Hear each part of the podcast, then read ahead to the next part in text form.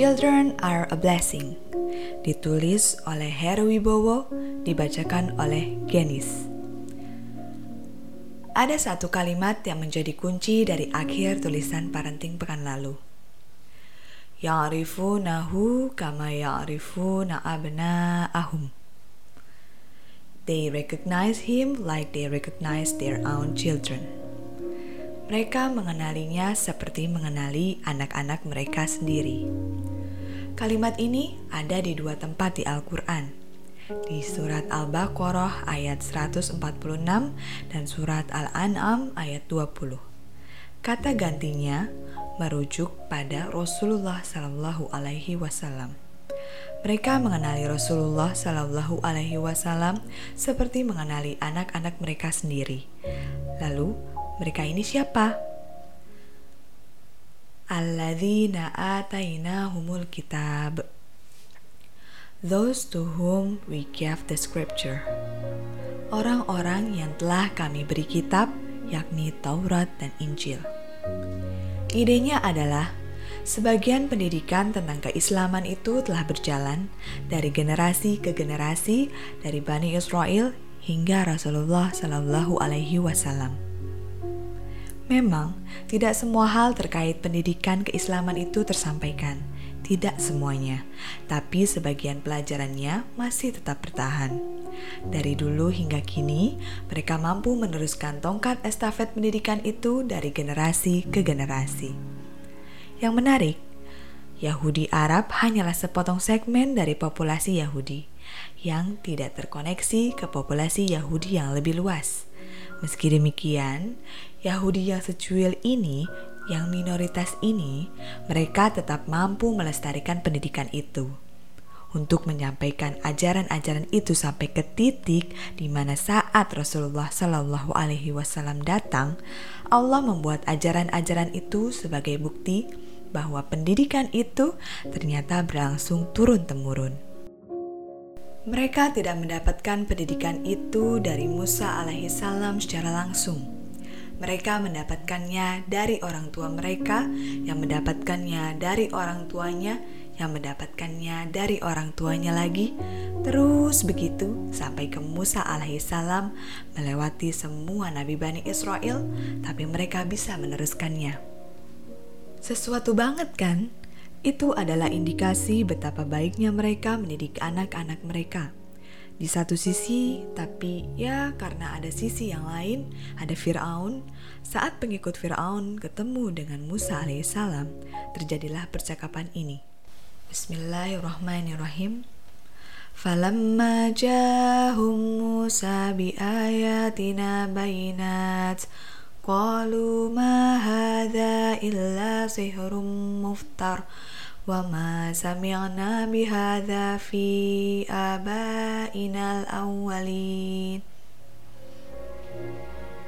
Maka ketika Musa datang kepada mereka dengan membawa mukjizat kami yang nyata, mereka berkata, ini hanyalah sihir yang dibuat-buat, dan kami tidak pernah mendengar yang seperti ini pada nenek moyang kami dahulu. Surat Al-Qasas ayat 36 Mereka sebenarnya harus diingatkan, sebagaimana di surat Ghafir. Bismillahirrahmanirrahim. Walaqad ja'akum Yusuf min qabl bil bayinati fama ziltum fi syakkim mimma ja'akum bih حتى إذا هلك قلتم لن يبعث الله من بعده رسولا كذلك يدل الله من هو مسرف مرتاب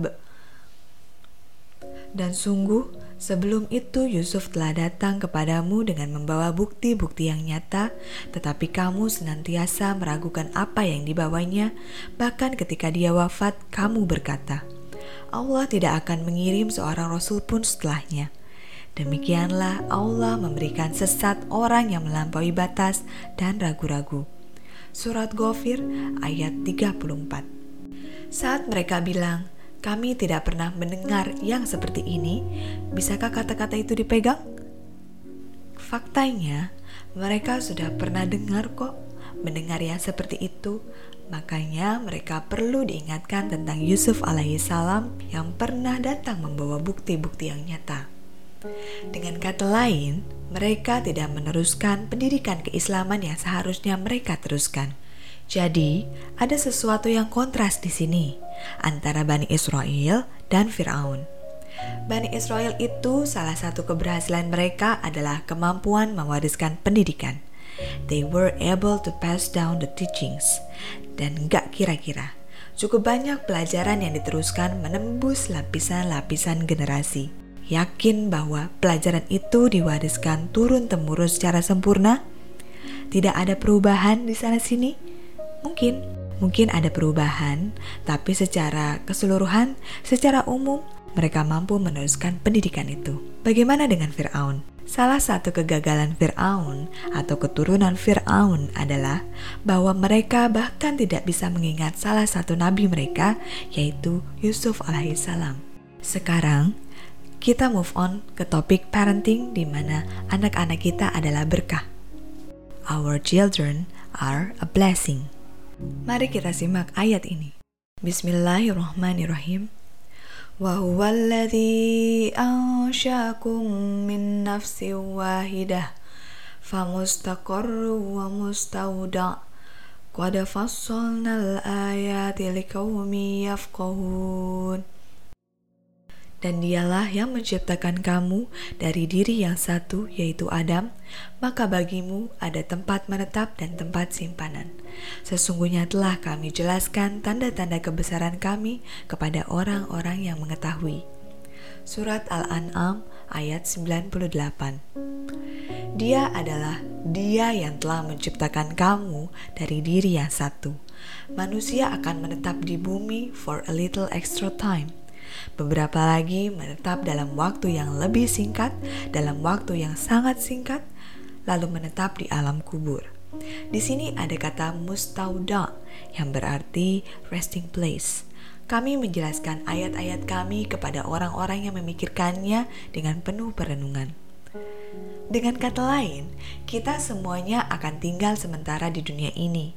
Anak-anak kita akan tinggal untuk sementara di dunia ini ketika Allah telah memberikan hadiah yang begitu indah berupa anak-anak itu di rumah kita, kita harus menikmatinya dan berterima kasih kepada Allah atas hadiah itu dengan penuh kesadaran bahwa kita dan mereka tidak akan tinggal di dunia ini selamanya.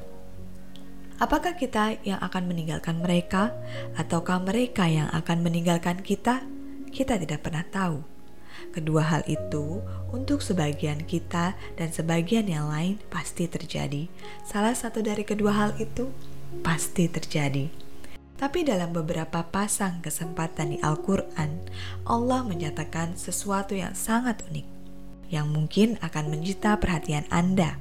Kejadian yang khusus ini disebutkan di surat Al-An'am di ayat berikutnya, Huwaladzi anzala minas sama ima'an Bismillahirrahmanirrahim. Wa huwa alladhi anzala minas samaa'i ma فأخرجنا به نبات كل شيء فأخرجنا منه خضرا نخرج منه حبا متراكبا ومن النخل من طلعها كنوان دانيه وجنة من عناب والزيتون والرمان مشتبها وغير متشابه. انظروا إلى ثمره إذا أثمر وينعه. إن في ذلكم لآية لقوم يؤمنون. Dan dialah yang menurunkan air dari langit, lalu kami tumbuhkan dengan air itu segala macam tumbuh-tumbuhan, maka kami keluarkan dari tumbuh-tumbuhan itu tanaman yang menghijau, kami keluarkan dari tanaman yang menghijau itu butir yang banyak, dan dari mayang kurma mengurai tangkai-tangkai yang menjulai, dan kebun anggur, dan kami keluarkan pula zaitun dan delima yang serupa dan yang tidak serupa. Perhatikanlah buahnya pada waktu berbuah dan menjadi masak. Sungguh pada yang demikian itu ada tanda-tanda kekuasaan Allah bagi orang-orang yang beriman. Surat Al-An'am ayat 99 dia adalah Dia yang mengirim air dari langit. Dia menumbuhkan dari bumi semua jenis tanaman. Ada yang berbagai macam jenisnya. Ada tanaman-tanaman, ada pohon-pohon palem, ada zaitun, olive, lima, dan tanam-tanaman yang menumpuk di atas yang lain. Ada tanam-tanaman yang terlihat sama, ada pula tanam-tanaman yang terlihat sama sekali tidak sama.